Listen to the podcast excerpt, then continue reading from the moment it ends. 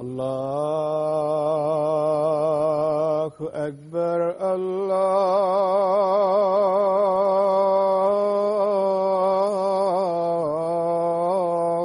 الله أكبر الله أكبر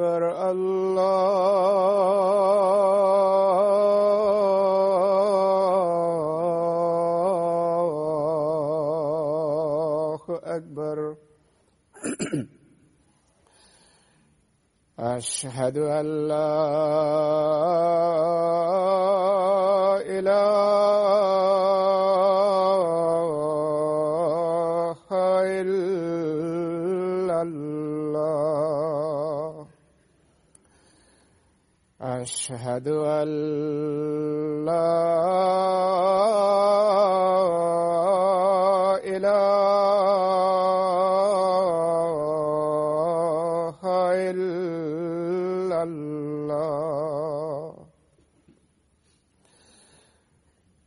أشهد أن محمدا رسول الله.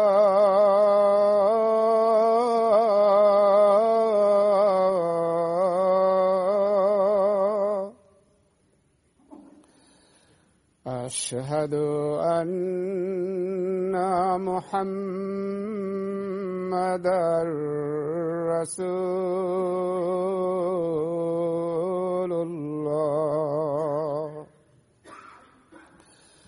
حي على السلام.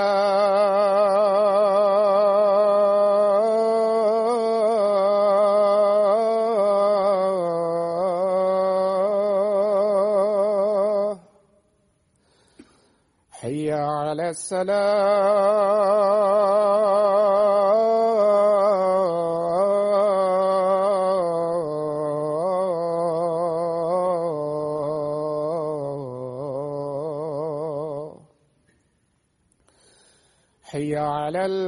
الفلاح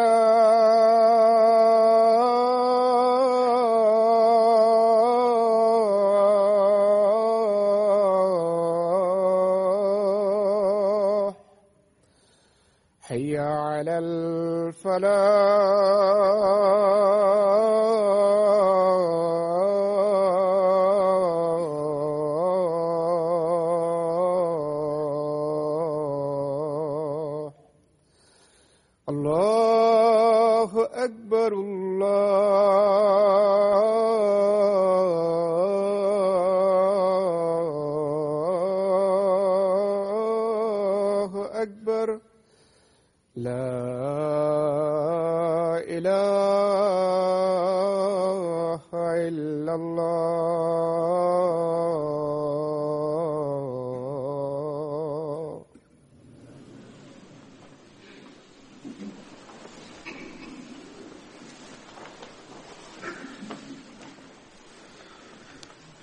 السلام عليكم ورحمة الله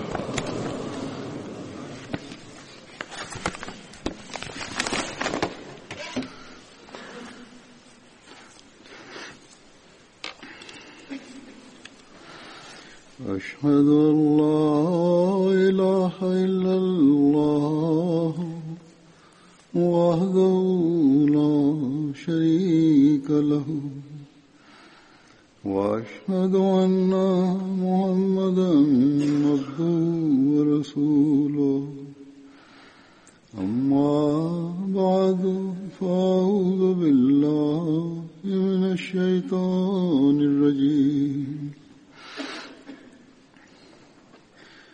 في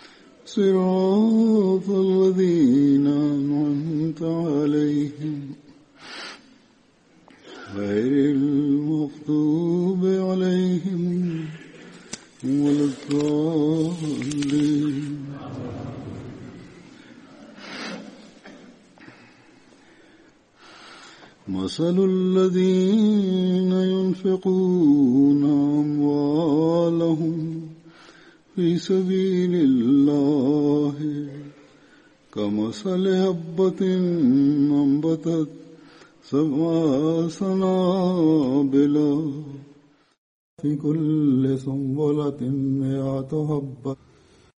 والله يضاعف لمن يشاء. والله واسع عليم.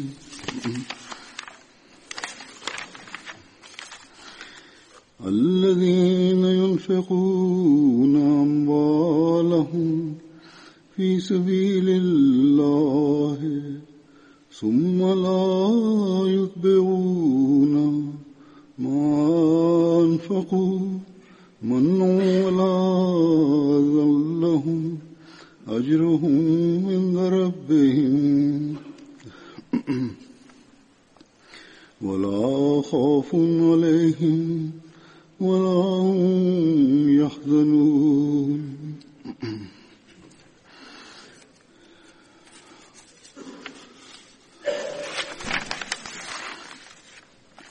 ومثل الذين ينفقون أموالهم ابتغاء ومثل الذين ينفقون أموالهم ابتغاء مرضات الله. وتثبيتا من أنفسهم كمثل جنة بربوة أصابها وابل فاتت أكلها ضيفين فإن لم يصبها وابل فطل والله بما تعملون بصير. الشيطان يعيدكم الفقر ويعمركم بالفحشاء. والله يعيدكم مغفرة منه وفضلا. والله واسع عليم ليس عليكم هداهم ولكن الله يهدي من يشاء. ليس عليك هداهم ولكن الله يهدي من يشاء. وما تنفقوا من خير فلأنفسكم وما تنفقون إلا ابتغاء وجه الله وما تنفقون إلا ابتغاء وجه الله وما تنفقوا من خير يوفى إليكم وما تنفقوا من خير يوفى إليكم وأنتم لا تظلمون. الذين ينفقون أموالهم بالليل والنهار سرا وعلانية فلهم أجرهم عند ربهم ولا خوف عليهم ولا هم يحزنون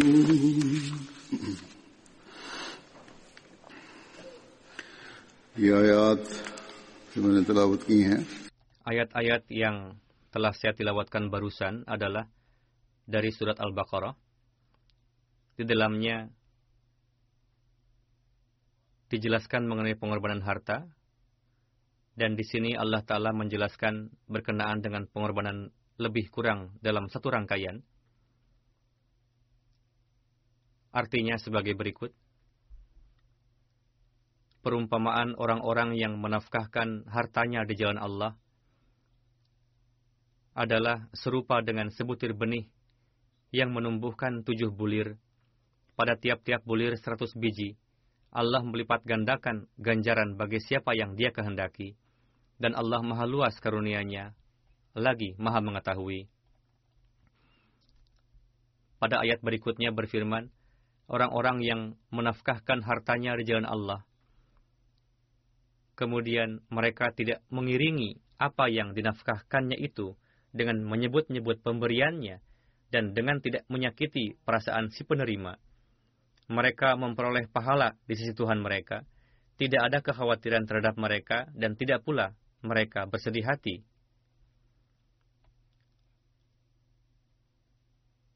pada ayat berikutnya berfirman, dan perumpamaan orang-orang yang membelanjakan hartanya karena mencari keridaan Allah dan untuk keteguhan jiwa mereka.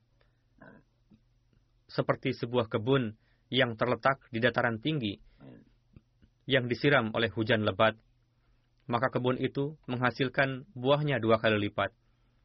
Jika hujan lebat tidak menyiraminya, maka hujan gerimis pun memadai dan Allah Maha melihat apa yang kamu perbuat.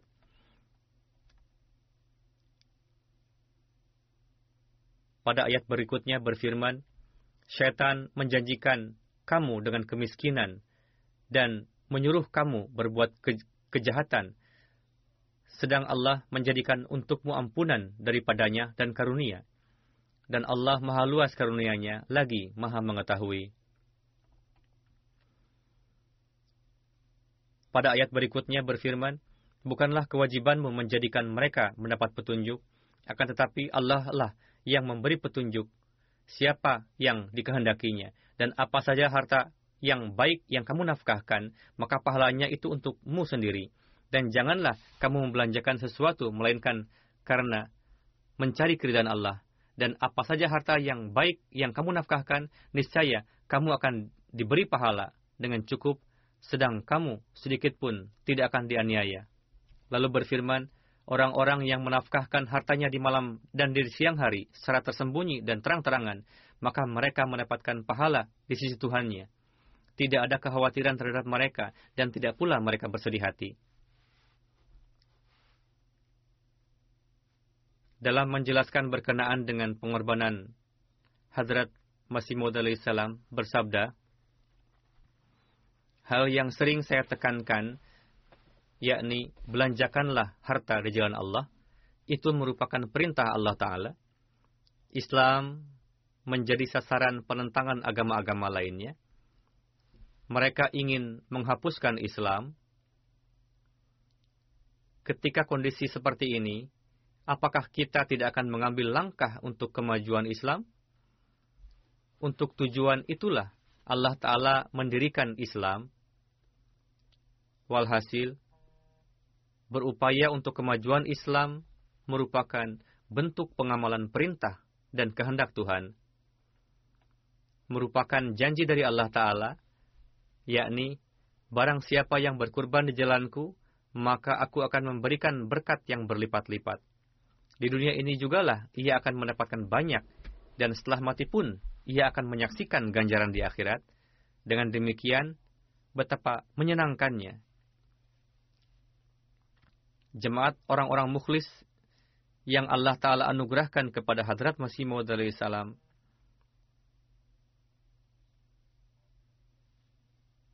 di mana mereka mendengar dan taat pada perintah beliau alaihissalam, lalu mereka memberikan pengorbanan. Berkenaan dengan pengorbanan itu, Hadrat Masih Maud salam bersabda, mayoritas anggota jemaat kita adalah dari kalangan lemah ekonominya. Namun puji syukur kehadirat Tuhan, yang mana meskipun lemah, namun saya menyaksikan di dalam diri mereka terdapat ketulusan dan rasa simpati.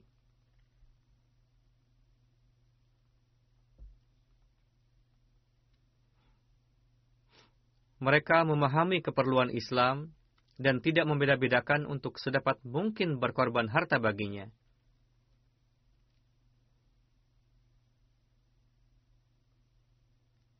Tidak hanya terbatas pada zaman Hazrat Masih Maud salam saja Allah Ta'ala meningkatkan keikhlasan, kesetiaan dan pengorbanan dalam diri para anggota jemaat Hadrat Masih Maud salam. Bahkan, sesuai dengan janjinya, jemaat yang Allah Ta'ala dirikan lebih kurang sejak 130 tahun lalu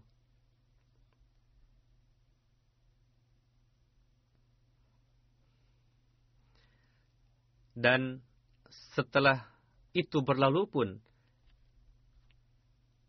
Allah Ta'ala masih menganugerahkan orang-orang mukhlis dalam berkorban dalam jemaat ini yang mengorbankan hartanya demi agama sesuai dengan batas kemampuannya dan bahkan terkadang melebihi dari kemampuannya.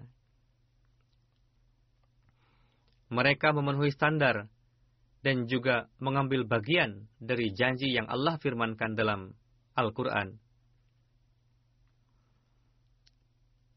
Dengan karunia Allah Ta'ala bahwa pada masa ini, standar tersebut hanya dan hanya nampak dalam jemaat yang Allah Ta'ala dirikan dengan perantaraan Hadrat Masih Maud salam ini.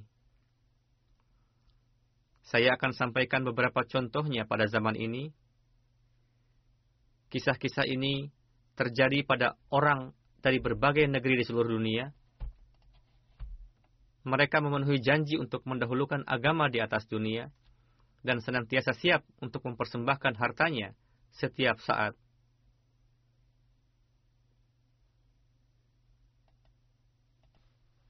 Kisah-kisah tersebut di antaranya muallim kita dari Kamerun menulis ketika kami pergi untuk misi Tahrik Jadid ke Jemaat Marta Western Region, kepala kampung bernama Saham Usman mengumpulkan penduduk dan mengumumkan bahwa saat ini tengah datang Bapak Mu'alim Jemaat Ahmadiyah dalam misi Tahrik Jadid, diharapkan semuanya dapat ikut ambil bagian dalam pengorbanan harta ini. Kepala kampung menuturkan, dua tahun yang lalu saya sendiri salat di masjid atau kadang datang beberapa orang menemani. Namun semenjak berdiri jemaat Ahmadiyah di kampung ini, dan kita telah bayat ke dalam jemaat, sejak saat itu masjid kita dipenuhi oleh jemaah salat. Terkadang karena masjid tidak mencukupi,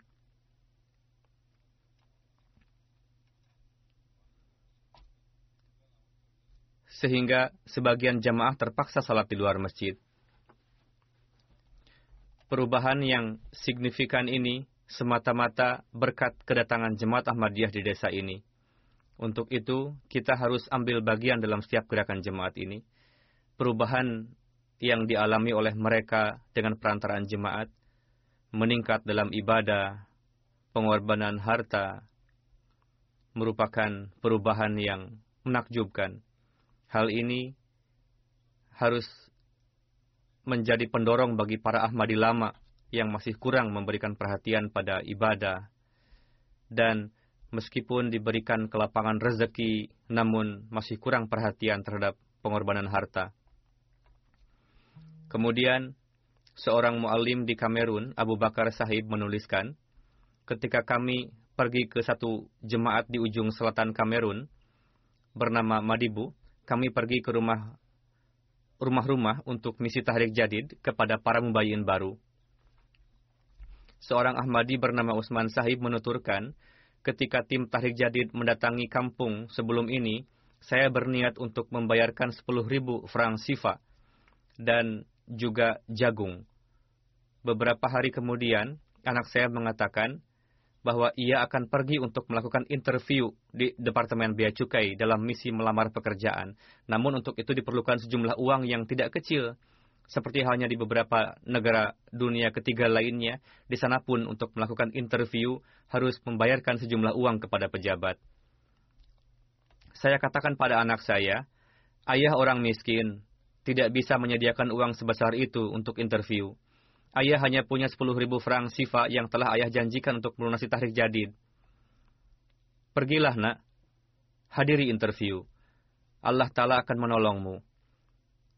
Lalu saya bayarkan uang itu untuk tahrik jadid. Beberapa hari kemudian anak saya menelepon dari kota menyampaikan bahwa ia lulus dalam interview dan segera akan mendapatkan pekerjaan. Dalam hal ini Allah Ta'ala telah mencondongkan hati pejabat di departemen itu, di mana banyak orang yang meskipun membayar sejumlah uang, namun tidak mendapatkan pekerjaan. Tapi lain halnya anak tersebut yang mana disebabkan oleh doa-doa, niatan baik dan pengorbanan, Allah Ta'ala mengaturkan baginya sehingga mendapatkan pekerjaan. Kemudian Amir Sahib Gambia menulis, telah diadakan suatu acara di sebuah kampung di Kabupaten Niami, di dalamnya disampaikan bahwa Huzur telah bersabda, segenap mubayin baru harus ambil bagian dalam gerakan ini. Lalu, semua orang yang hadir di sana saat itu membayar canda. Seorang LI bernama Jawai Sahiba menuturkan bahwa ketika acara berlangsung, mem beliau membayar canda sebesar 20 dalasi. Karena itulah yang beliau miliki saat itu, yang sengaja beliau simpan untuk masa-masa sulit. Beliau menuturkan, ketika sampai di rumah, seorang tamu menghadiahkan kepada beliau 500 dalasi. Pada esok paginya, beliau datang ke masjid untuk menambahkan 50 dalasi sebagai canda, lalu berkata, hadiah uang yang saya dapatkan ini semata-mata hanya keberkatan canda. Janji bahwa Allah Ta'ala akan mengembalikan pun menjadi sarana untuk meningkatnya keimanan dan keyakinan beliau. Meskipun beliau berkurban tidak didasari dengan niat bahwa Allah Ta'ala akan segera mengembalikan uang candah itu, atau akan segera mendapatkannya, namun Allah Ta'ala pun tidak menunggak hutangnya. Kemudian, Mubalik wilayah Bonego, Benin menulis, becak motor yang menjadi sarana untuk mencari nafkah bagi sekretaris mal jemaat di kota ini hilang dicuri.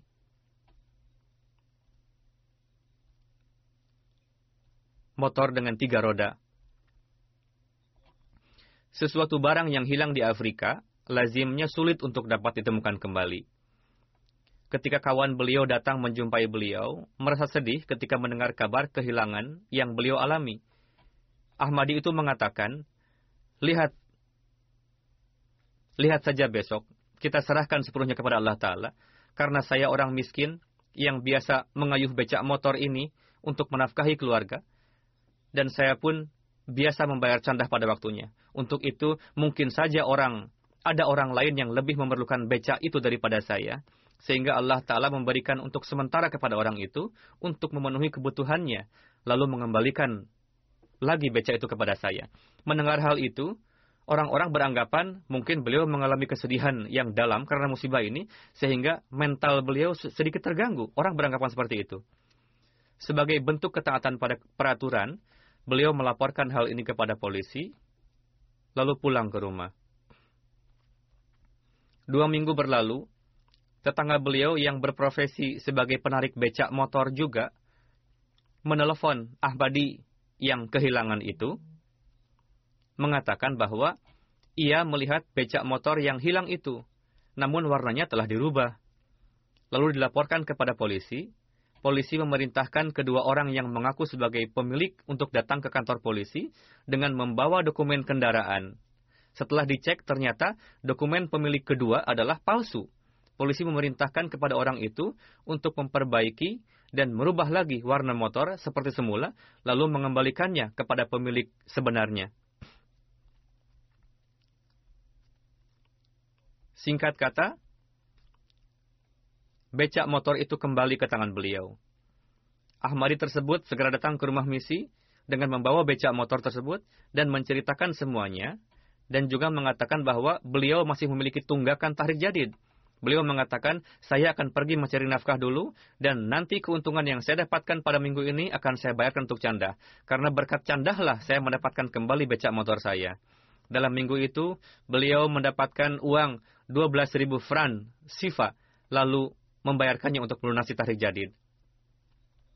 Ini pun merupakan contoh yang menakjubkan atas ketawakalan dan keimanan kepada Allah Ta'ala. Selanjutnya, Inspektur Tahrir Jadid India, Shihab Sahib, menulis, seorang LI dari Jemaat Cinta Gunta bernama Sufia Begum mengirim pesan melalui saudaranya menceritakan ketika saya masih kecil, saya selalu pergi ke jelasah-jelasah bersama ibu dan mendengarkan ceramah-ceramah ulama jemaat. Ketika Hadrat Muslim Ma'ud meletakkan pondasi Tahrik Jadid dan mencanangkan pengorbanan harta untuk gerakan tersebut, pada saat itu banyak sekali para wanita Ahmadi yang mempersembahkan perhiasannya kepada Huzur. Ketika mendengar kisah-kisah tersebut, timbul keinginan di dalam hati saya, seandainya saya memiliki perhiasan, saya akan persembahkan untuk tahrir jadid. Namun karena lemahnya ekonomi, sehingga tidak mungkin untuk mewujudkan keinginan tersebut. Namun, saya mendapatkan warisan pasca kewafatan ibu, berupa emas seberat 2 tola, yakni 24 gram. Karena saya tidak yakin apakah di masa yang akan datang saya akan punya emas lagi atau tidak. Petugas tahrik jadid dan orang-orang juga menasihati beliau dengan mengatakan bahwa Anda nanti akan menikah. Untuk itu pasti Anda akan memerlukan emas. Namun Eli itu tetap ingin memberikan emas itu. Saat itu beliau memberikan dua tola emas tadi, yakni sebesar 24 gram untuk tahrik jadid. Huzur bersabda, pada Jumat lalu pun saya telah sampaikan di Amerika, dan sering saya katakan bahwa orang-orang miskin memberikan pengorbanan harta dengan penuh kecintaan. Namun terkadang para Ahmadi yang memiliki kelapangan harta hendaknya melihat kondisi diri, apakah mereka tengah melakukan pengorbanan sesuai dengan standar yang Allah Ta'ala harapkan, atau tidak. Jika demikian, maka Allah pun akan menerimanya.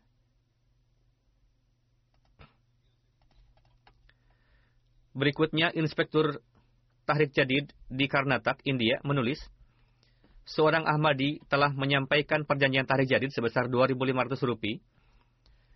Ketika orang ini diminta untuk melunasinya, karena tahun perjanjian akan segera berakhir dalam beberapa hari, dia berkata, saya tidak dapat bekerja sejak tiga bulan terakhir, karena hujan, sehingga tidak ada harapan untuk mendapatkan penghasilan. Saya katakan kepadanya, untuk niatkanlah melunasinya, dan berdoa kepada Allah Ta'ala. Setelah mengatakan ini, saya pergi ke tempat lain. Pada sore hari, ketika saya kembali setelah kunjungan saya yang lain, orang yang tadi datang ke rumah misi untuk melunasi candahnya. Saya bertanya, bagaimana ini terjadi begitu cepat? Dia menyatakan, ini adalah berkat memiliki niat untuk melunasi canda dan juga berkat rahmat Allah Subhanahu wa taala dan doa. Ceritanya begini, seseorang ada yang harus membayar sejumlah uang kepada saya sejak beberapa waktu, padahal saya telah mengingatkannya selama berbulan-bulan, namun dia tidak bisa melunasinya. Namun hari ini, orang itu datang ke rumah saya dan mengembalikannya semua uang saya.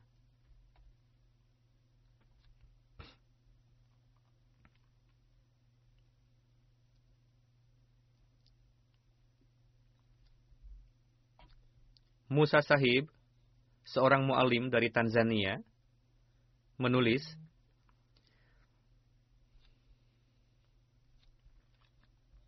ada seorang Ahmadi yang sangat tulus di Jemaat Darussalam, dan dia saat ini berkhidmat di kantor jemaat. Setiap tahun, ia selalu berupaya untuk melunasi tarik jadid dan wakfi jadid sebelum Ramadan atas nama dirinya dan keluarganya. Tetapi tahun ini beliau tidak dapat melunasinya karena keadaan keluarga yang tidak memungkinkan. Dia sangat prihatin karena hal ini. Bagaimanapun, dia berdoa, semoga Allah Ta'ala menciptakan jalan baginya. Dia memutuskan bahwa ia akan menggunakan uang THR dari jemaat pada kesempatan Idul Fitri nanti. Karena THR ini diberikan kepada semua karyawan jemaat. Jadi, dia memutuskan bahwa ia akan menggunakan uang ini untuk melunasi canda, bukan untuk memenuhi kebutuhannya untuk Idul Fitri. Tetapi setelah dihitung, ia menyadari bahwa bahkan meskipun seluruh uang THR dibayarkan untuk canda, masih tetap tersisa tunggakannya. Lalu dia berdoa lagi kepada Allah Ta'ala dan memohon kepadanya untuk memberikan jalan baginya supaya dapat melunasi seluruh jumlah yang telah dia janjikan untuk tarik jadid. Ia mengatakan bahwa jumlah uang THR yang diterima kali ini lebih dari yang biasa diterima. Sehingga ia dapat memenuhi seluruh tunggakan tarik jadidnya. Rizwi Sahib, seorang mubalik di Moskow, menulis, Dadam Sahib, seorang mubayin baru berasal dari kota Buryatia yang jauh dan terbelakang. Dia memiliki kesempatan untuk bayat pada tahun 2017. Tahun ini, ia mengunjungi Moskow selama seminggu untuk bertemu dengan saudara-saudara Ahmadi di sini dan untuk mendapatkan manfaat taklim dan tarbiyat. Dia berasal dari keluarga miskin, dan kadang-kadang ia mengalami kondisi keuangan yang sangat lemah. Selama berada di Moskow, suatu malam, setelah salat Isya, ia diberitahu secara terperinci tentang sistem keuangan dalam jemaat dan berkat-berkat pengorbanan harta. Lalu, beliau dihimbau untuk dapat berkorban. Mengingat ada keterbatasan dan lemahnya kondisi keuangan beliau, sehingga jika beliau mampu berkorban 50 rubal saja, itu pun sudah luar biasa bagi beliau. Keesokan harinya, setelah salat subuh, beliau membayar canda tarik jadid sebesar 2000 rubal dan wakfi jadid juga. Ia mengatakan, terimalah canda saya ini, dan juga terus mengungkapkan penyesalan kepada kenapa sebelum ini saya tidak membayar canda, padahal telah bayat lebih dari setahun yang lalu. Pamubalik itu menulis, jika mempertimbangkan kondisi beliau, itu merupakan pencapaian yang besar bagi beliau.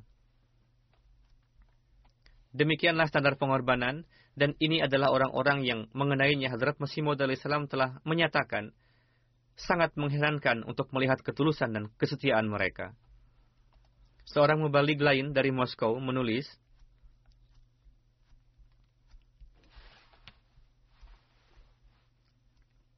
ada seorang anggota jemaat Moskow yang telah bekerja dalam berbagai bidang pekerjaan di kota.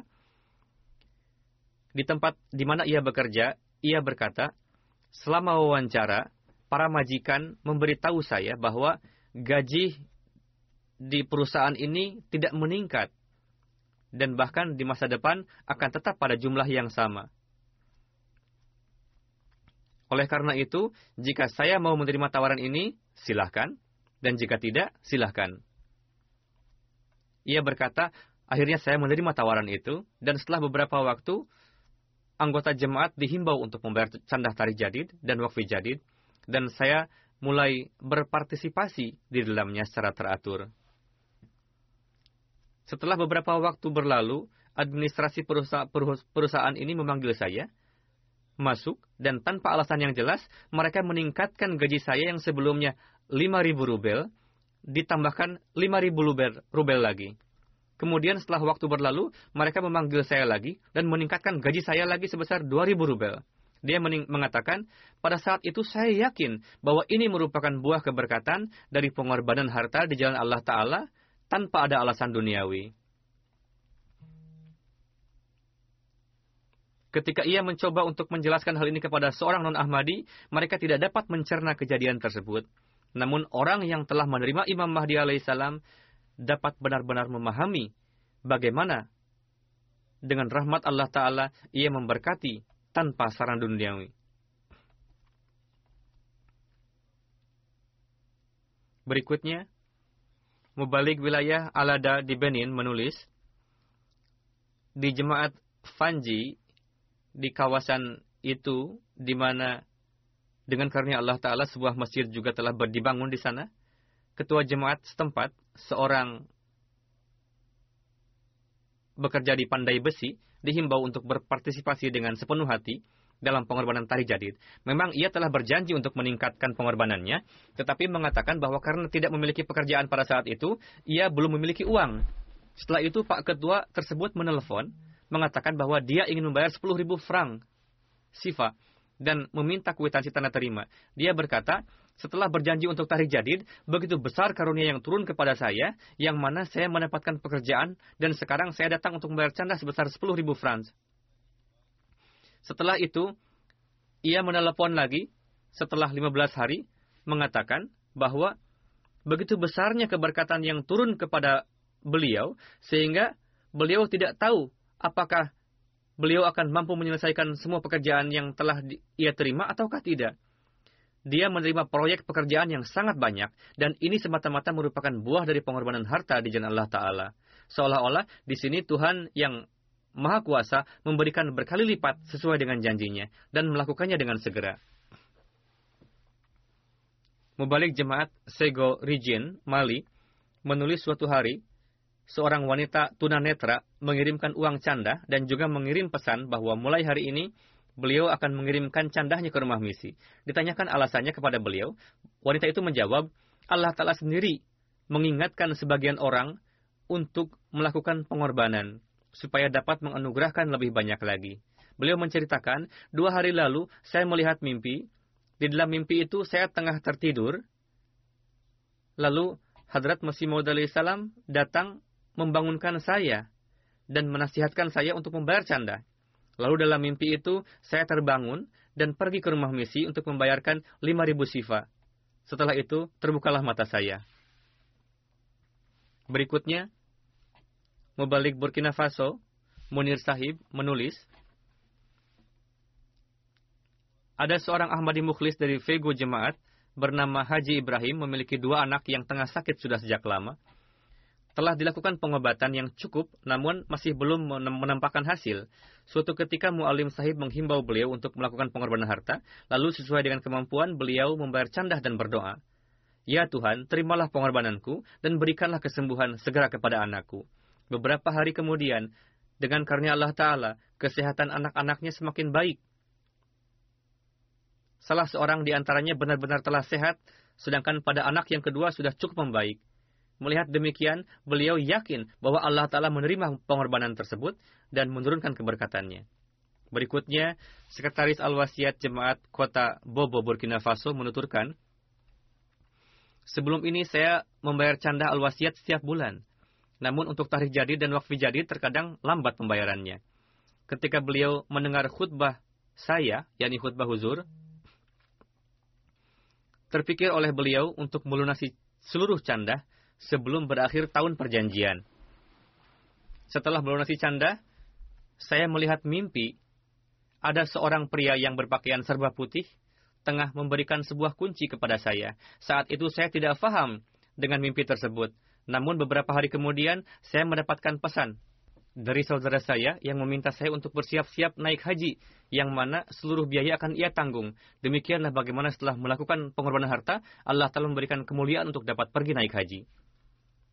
Berikutnya, Sekretaris Tarik Jadi Jerman menulis, ada seorang Ahmadi dari jemaat bukan yang meningkatkan perjanjian tarik jadidnya sebesar 900 euro. Ahmadi ini menuturkan, sehari setelah saya menulis perjanjian tarik jadid, Esoknya saya pergi ke peternakan dan pemilik peternakan mengatakan bahwa saya telah meningkatkan gaji kamu 100 euro. Dan jika ditotal dari Februari sampai Oktober, totalnya 900 euro. Saya memang yakin bahwa Allah Ta'ala akan mengaturnya, namun saya tidak menyangka bahwa Allah Ta'ala tidak akan membiarkan tenggangnya lebih dari 24 jam untuk mengaturnya. Berikutnya, Sekretaris Tarik Jadid Jerman menulis, seorang Ahmadi mendapatkan kesulitan ketika menghadapi kasus suaka, kepada beliau dihimbau untuk melakukan pengorbanan tarik jadid. Beberapa hari kemudian, saya berjumpa dengan Ahmadi tersebut, mengabarkan bahwa Anda telah menasihati saya untuk membayar tarik jadid, lalu saya berjanji 100 euro. Saat itu saya hanya punya 20 euro. Saat itu saya langsung serahkan 20 euro, lalu pulang ke rumah. Ketika di rumah, saya mendapat telepon dari tempat saya bekerja dulu yang mengatakan bahwa masih ada kelebihan uang yang merupakan hak kamu. Datang dan ambillah kemari. Saya kira sekitar 300 euro, 400 euro. Namun tanpa menghitung lagi, saya langsung masukkan semua uang, uang itu ke dalam saku saya. Pertama-tama, saya langsung melunasi tunggakan tarikh jadid sebesar 80 euro, lalu membelanjakannya untuk keperluan lain. Setelah itu masih tersisa sejumlah uang. Ketika saya jumlahkan, baru diketahui bahwa ternyata saya mendapatkan 1000 euro. Saya telah berjanji 100 euro, namun Allah telah membalasnya dengan 10 kali lipat. Sebelum ini saya sering mendengar kisah seperti itu, dan saya pun berpikir bahwa memang benar Allah Ta'ala memperlakukan demikian kepada para hambanya, bahkan saya sendiri telah mengalaminya. Mubalik Ivory Coast menulis, kami pergi untuk misi tahrik jadid di suatu tempat yang mayoritas adalah mubayin baru yang bayat sekitar setahun yang lalu. Kepada penduduk kampung tersebut disampaikan ceramah mengenai keutamaan tarik jadid, tujuannya, dan lebih lanjut disampaikan juga bahwa Khalifah meminta supaya semua Ahmadi dapat ambil bagian dalam gerakan ini. Pada esok harinya, pada salat subuh, para anggota mulai membayar canda sesuai kemampuan. Begitupun imam masjid ikut serta dan membayarkan juga atas nama keluarganya.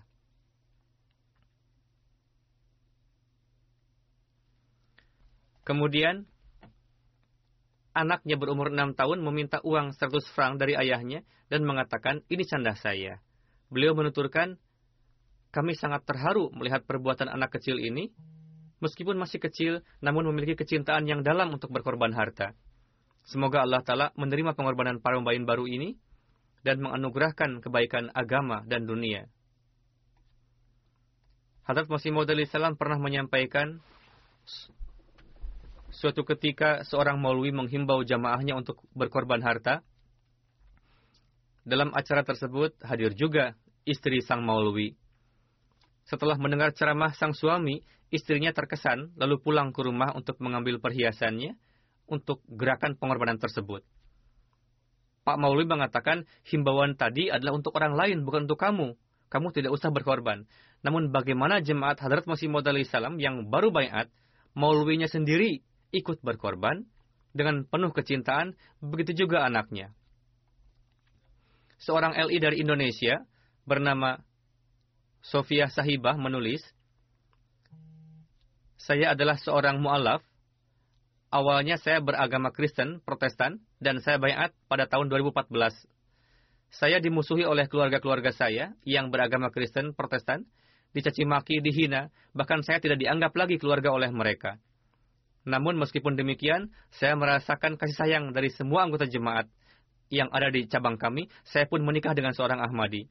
Beberapa bulan kemudian, suami saya mengalami kecelakaan mobil yang mengakibatkan patah tulang kaki sebelah kiri. Sementara saya sendiri tengah hamil empat bulan. Saat itu dimulai bulan awal perjanjian tarikh jadid. Saya bertanya kepada suami, berapa jumlah perjanjian pengorbanan tarikh jadid kita untuk tahun ini? Dengan lantang suami menjawab 500 ribu saja. Kan tahun depan akan dapat kerja. Huzur bersabda, nilai mata uang Indonesia sangat lemah. Namun bagi penduduk Indonesia, nilai itu cukup. Saat itu saya kaget dan ada kekhawatiran juga karena kondisi suami saya belum bisa berjalan dengan normal, bahkan masih menggunakan dua tongkat untuk membangun, membantu berjalan. Seiring berjalannya waktu, tidak terasa sudah sampai pada bulan di mana pelunasan tarik jadid, kekhawatiran pun muncul karena suami saya belum bekerja. Namun Alhamdulillah, pada tanggal 8 Oktober 2016, suami saya kembali dipanggil bekerja di salah satu perusahaan swasta, dan Alhamdulillah, kami sekeluarga bisa melunasi perjanjian tarik jadid. Kemudian seorang Ahmadi dari Indonesia, Gunawan Wardi Sahib, menulis, pada bulan Ramadan yang lalu, kami mendapatkan satu kesulitan, di mana mertua saya masuk ke rumah sakit karena kompilasi yang cukup serius, dan karenanya beliau dirawat lebih dari satu bulan. Begitu rupa payahnya, keadaan beliau sampai dua kali masuk ICU, dan hanya sedikit harapan untuk bisa hidup. Teringat dengan khutbah huzur mengenai keberkatan tarik jadid, kami pun memutuskan secara berjamaah seluruh anggota keluarga untuk melunasi perjanjian tarik jadid di bulan tersebut.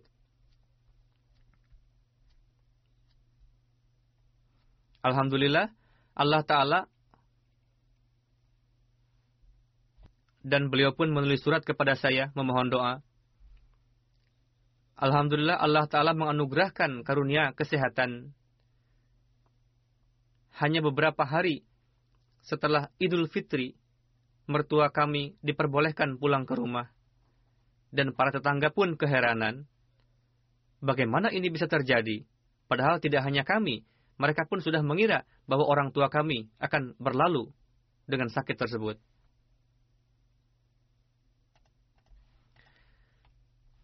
Berikutnya, Ketua Jemaat Birmingham Central, UK, menulis, kami masih kekurangan 1.500 pound dari target tarikh jadid, dan waktu hanya tersisa beberapa jam lagi untuk penutupan. Ketika akan berakhir disampaikan kepada beberapa orang, maka ada anggota yang telah memberikan 2.400 pound sebelumnya mengatakan bahwa beliau akan melunasi sisa 1.500 pound itu. Saat itu anggota tersebut ada di luar negeri, lalu melunasinya dengan cara online. Beliau menuturkan bahwa pada hari saya membayar 1.500 pound, maka hari berikutnya saya mendapatkan kembali 6.000 pound dari Departemen Pajak yang mana Allah Ta'ala segera mengembalikannya empat kali lipat kepada saya. Bagaimana pengorbanan orang-orang yang miskin dan bagaimana Allah Ta'ala memberikan perlakuan yang menakjubkan. Berkenaan dengan itu, Mu'alim Burundi menuliskan, Pada tahun lalu, saya berkunjung ke jemaat baru bernama Gangga. Di sana kami menjelaskan keutamaan canda kepada seorang mubayin baru yang bernama Masudi Sahib dan dihimbau juga kepada beliau untuk berpartisipasi dalam canda ini. Masudi Sahib mengatakan, saat ini saya tidak punya apa-apa, namun di rumah saya ada pohon yang berbuah. Saya akan menjual buahnya, lalu membayarkannya untuk canda. Pengorbanan yang biasa nampak pada zaman dulu, saat ini nampak juga kepada kita permisalannya. Lalu dalam waktu satu dua hari, menjual buahnya senilai seribu franc Burundi, dan membayarkan seluruh uang yang didapat itu. Setelah itu beliau katakan bahwa uang yang saya bayarkan untuk candah dari menjual buah telah membuahkan keberkatan yang banyak yang mana dibanding sebelumnya pohon tersebut memberikan buah yang berlipat banyaknya dan menghasilkan uang sebesar 40 sampai 45 ribu franc Burundi. Berikutnya Pak Mualim di Kongo, Brazil menulis bahwa ada seorang kawan yang anaknya tengah sakit sejak lama ketika ada yang datang kepada beliau untuk menagih canda, beliau melunasinya dan berdoa, Ya Tuhan, sembuhkanlah anak ini berkat canda. Orang itu menceritakan, beberapa hari kemudian, anak saya membaik. Saya pun merasa heran bagaimana Tuhan kita mengabulkan doa dan mengabulkan pengorbanan kita yang tiada artinya ini. Sekretaris Tarik Jadid Lajenah Kanada menulis, seorang LI menuturkan bahwa Suaminya menulis perjanjian tarik jadid sebesar seribu dolar, namun ia tidak bekerja sudah cukup lama, sehingga tidak dapat melunasinya. Tinggal seminggu tersisa untuk genap satu tahun perjanjian, datanglah sekretaris mal ke rumah kami untuk menagih canda. Suami beliau pergi ke dalam dan mengatakan kepada Eli itu, saya tidak punya uang saat ini. Apa yang bisa kita lakukan? Eli itu mengatakan kita tidak bisa membiarkan beliau pulang dengan tangan kosong. Saat itu ia memiliki tabungan seribu dolar yang langsung dibayarkan untuk tari jadid. Merupakan keberkatan canda sehingga suami saya mendapatkan pekerjaan pada minggu itu yang menjanjikan gaji tujuh ribu dolar per bulan. Berikutnya, Mubalik Ivory Coast menulis, di di San Pedro ada seorang anak atfal yang baru berumur 14 tahun. Ayahnya menceritakan, pada hari Minggu, saya perintahkan anak saya untuk melakukan satu pekerjaan di rumah. Dia menjawab, di kepengurusan atfal, saya ditugaskan sebagai juru pungut canda, dan sampai saat ini saya belum melunasi canda saya. Karena pada hari biasa, saya harus sekolah. Untuk itu saya ingin pergi ke sawah seseorang untuk bekerja. Supaya dengan uang yang saya dapatkan nanti, saya bisa melunasi candah yang saya yang tertunggak ini. Mendengar itu, sang ayah mengatakan, saya akan lunasi candah kamu atas namamu. Kemudian anak itu menjawab, Pak Mubalik mengatakan bahwa anak-anak harus berusaha untuk melunasi candahnya dari uang sakunya sendiri. Namun saat ini saya tidak dapat melunasinya dari uang saku saya, untuk itu saya berniat untuk berburuh tani hari ini supaya saya dapat melunasi candah dengan uang yang saya dapatkan nanti. Lalu ia bekerja dan melunasi candah itu dari uang tersebut. Seperti itulah pemikiran anak-anak yang tinggal jauh di pelosok sana di antara para mubayin baru yang telah Allah Ta'ala ciptakan.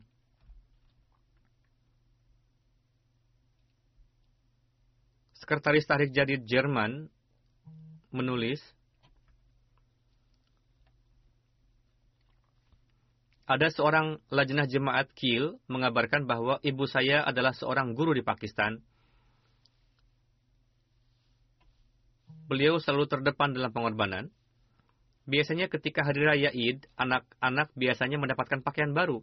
Namun ibu saya selalu berusaha untuk melunasi tahrik jadid pada bulan Ramadan, supaya masuk kepada daftar yang didoakan. Beliau pun sering melunasinya dengan meminjam hutang, dan setelah itu berusaha untuk melunasi hutangnya. Ketika dicanangkan pengorbanan untuk Masjid Basyarat Spanyol, beliau mempersembahkan anting satu-satunya untuk gerakan pengorbanan tersebut, yang mana hal itu menyebabkan beliau harus mendengarkan kemarahan mertua. Saat itu saya masih kecil dan berpikir bahwa cara-cara yang dilakukan oleh ibu dengan menyusahkan diri sendiri adalah tidak baik. Itulah keyakinan yang ada dalam benak saya waktu itu. Tahun lalu ketika dicanangkan tari jadid, saya berpikir bahwa saya tidak akan seperti ibu saya yang menyerahkan semuanya demi pengorbanan. Lalu saya seolah-olah menzahirkan kecermatan dengan berjanji untuk tari jadid sebesar 30 atau 35 euro. Bagaimana cara Tuhan dalam hal ini? Beberapa lama kemudian muncul benjolan pada leher saya yang membuat saya sangat khawatir. Dokter menyarankan untuk operasi, saat itu saya sudah tidak menyukai perhiasan, tidak juga pakaian. Suatu ketika saya mendengar khutbah huzur, yang mana di dalamnya huzur menjelaskan pengorbanan yang dilakukan oleh para wanita. Setelah mendengar khutbah huzur itu, terfikir oleh saya, lalu saya serahkan semua perhiasan saya untuk gerakan tarik jadid. Saya hitung jumlah harga perhiasan itu, lalu membayarkannya. Setelah itu saya pergi lagi ke dokter, dan dokter mengatakan bahwa benjolan ini sudah membaik. Allah Ta'ala telah membebaskan saya dari ketakutan itu, dan saya faham bahwa Allah Ta'ala telah menghukum saya karena ketakaburan saya tadi. Saat ini, buruk sangka seperti itu sudah hilang di dalam benak saya. Suami saya disebabkan karena bekerja di sebuah tempat yang tidak dibenarkan, untuk itu cendah suami saya tidak diterima saya berdoa jika Allah Ta'ala memberikan mata pencarian yang baik kepada suami saya, maka saya akan membayar terjadi sebesar 500 euro. Kemudian Allah Ta'ala memberikan pekerjaan yang baik kepada suami saya dalam corak mujizat. Sekarang suami istri dawa membayar canda. Berikutnya, Sekretaris Tahrik Jadid Lajnah di Lahore menulis bahwa ada seorang Ahmadi dari jemaat Wanda Town yang menderita sesak napas akut sejak satu setengah tahun lalu, dalam kunjungan utusan markaz, beliau memberikan pengorbanan tari jadid tambahan sebesar 50 ribu rupiah. Atas hal itu Allah Ta'ala melimpahkan karunia-Nya, sehingga penyakit yang meskipun telah diobati berkali-kali, terus menyerangnya, namun sejak saat itu, kondisinya membaik, dan pada penghujung tahun, beliau sembuh dari penyakit. Amir Gambia menulis, ada seorang Ahmadi di Jaraistiske yang selalu dawa melunasi canda tarik jadid. Baru-baru ini di kampung beliau hewan-hewan terjangkit satu wabah yang menyebabkan matinya hewan-hewan. Akibatnya hampir semua orang merasakan pahitnya duka ini. Namun satu pun tidak ada hewan Samia Sahib yang mati. Orang kampung bertanya pada beliau, apa penyebab satupun hewan kamu tidak ada yang mati? Beliau menjawab, setiap tahun saya menjual hewan saya, lalu uangnya saya bayarkan untuk canda. Berkat itulah Allah Ta'ala melindungi hewan-hewan saya dari wabah tersebut. Melihat hal itu, tujuh orang Ahmadi di kampung itu pun mulai membayar canda tari jadid, dan setelah itu mereka melihat bahwa hewan mereka mulai membaik. Padahal dokter khusus mengatakan bahwa tidak ada hewan yang akan selamat dari wabah tersebut. Ketika dokter datang lagi beberapa hari kemudian, dia melakukan pengecekan, lalu mengatakan, apa yang kalian lakukan untuk mengobati hewan-hewan ini sehingga sembuh lagi? Seorang nenek sambil membawa kwitansi canda mengatakan,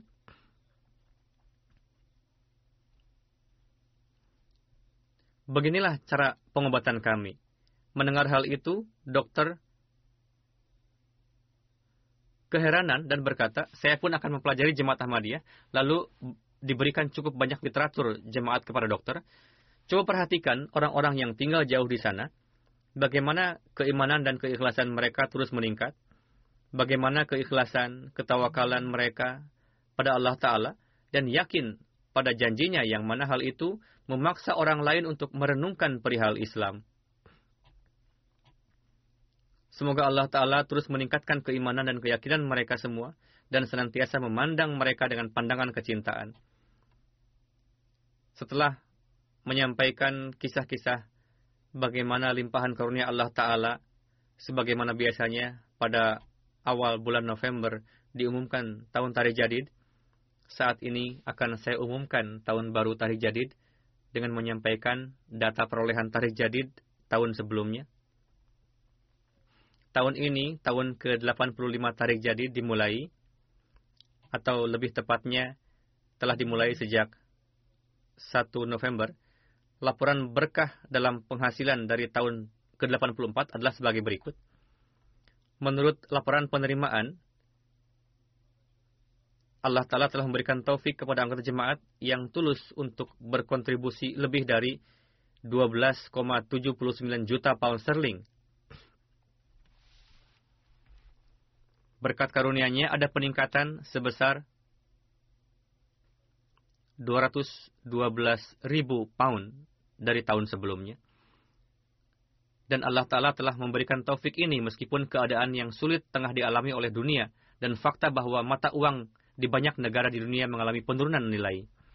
Dalam hal total kontribusi, Pakistan selalu berada di atas, tetapi setelah itu adalah Jerman, pertama, kedua UK, ketiga Amerika, keempat Kanada, kelima India, keenam Australia, ketujuh jemaat dari Timur Tengah, kedelapan Indonesia, sembilan Ghana, kesepuluh jemaat dari Timur Tengah. Dalam hal kontribusi per orang adalah pertama Swiss, kedua Amerika, ketiga Inggris, keempat Australia, kelima Singapura, keenam Swedia, ketujuh Belgia, Jerman, Kanada, Finlandia. Total kontribusi pada para jamaah terkemuka di Afrika adalah Ghana, Nigeria, Gambia, Tanzania perhatian besar sedang ditarik ke arah peningkatan jumlah peserta yang berpartisipasi dalam Tarikh Jadid. Dengan karunia Allah Ta'ala, tahun ini 1.717.000 anggota berpartisipasi, peningkatan sebesar 117.000 dan sebagian besar peningkatan anggota berasal dari Afrika.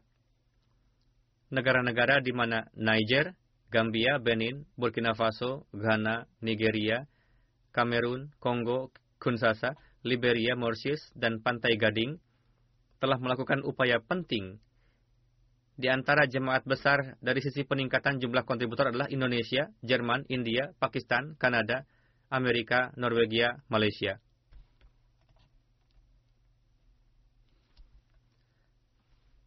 Berkat rahmat Allah Ta'ala, semua rekening daftar awal masih beroperasi hingga total 5.927. Menurut laporan pengorbanan keuangan dari tiga distrik besar Pakistan itu adalah pertama Lahore, kedua Rabwah, ketiga Karachi. Meskipun Rabwah bukanlah sebuah distrik tetapi kota, namun dimasukkan ke dalam daftar kabupaten. Kontribusi total dari kabupaten-kabupaten di Pakistan adalah Sialkot, Sargoda, Gujarat, Gujranwala, Umarkot, Hyderabad, Narawal, Mirpur Khas, Tobatek Singh, Mirpur Azad, Azad Kashmir. Berdasarkan total kontribusi adalah Islamabad,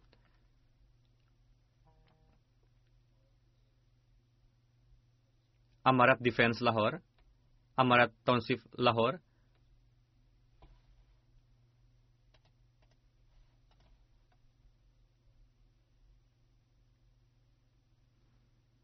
Sepuluh jemaat pertama di Jerman adalah sepuluh jemaat pertama di antaranya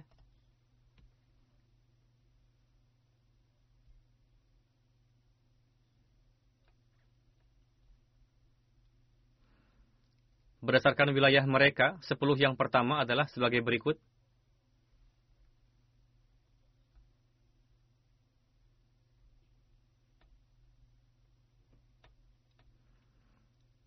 Lima wilayah pertama Inggris berdasarkan kontribusi.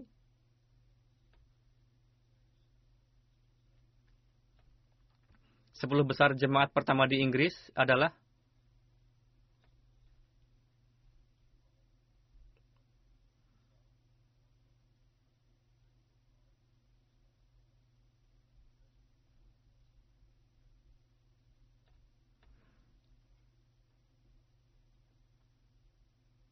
berdasarkan kontribusi dari jemaat yang lebih kecil di Inggris.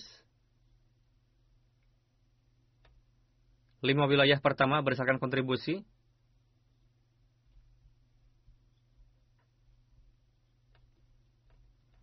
Berdasarkan total kontribusi di antara jemaat Amerika Serikat adalah sebagai berikut.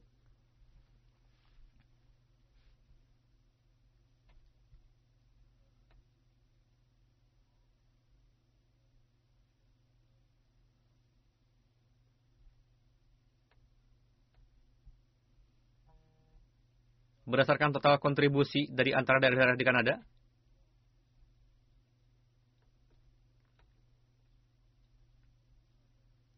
Lima jemaat yang paling menonjol dalam canda untuk kontribusi total adalah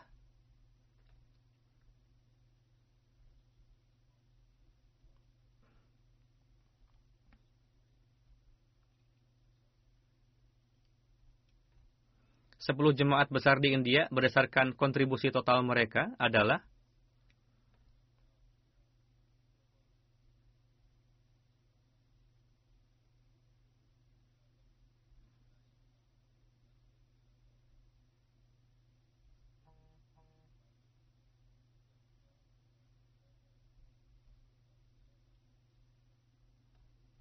berdasarkan provinsi di India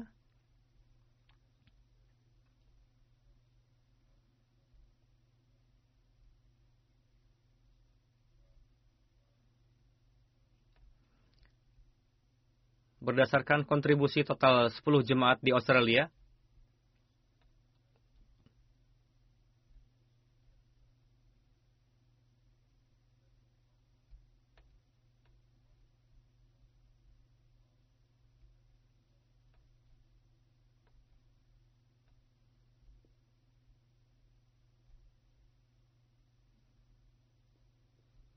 berdasarkan kontribusi per individu,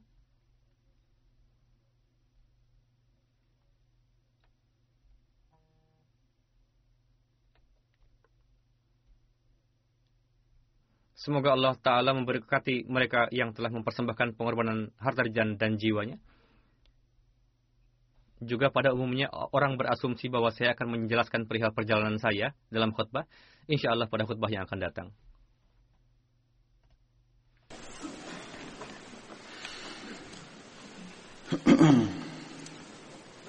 Alhamdulillah الحمد لله نحمده ونستعينه ونستغفره ونؤمن به ونتوكل عليه ونعوذ بالله من شرور أنفسنا ومن سيئات أعمالنا.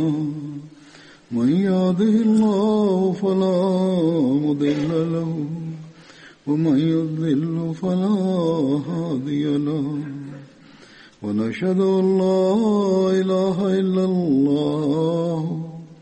ونشهد أن محمدا عبده ورسوله. عباد الله رحمكم الله.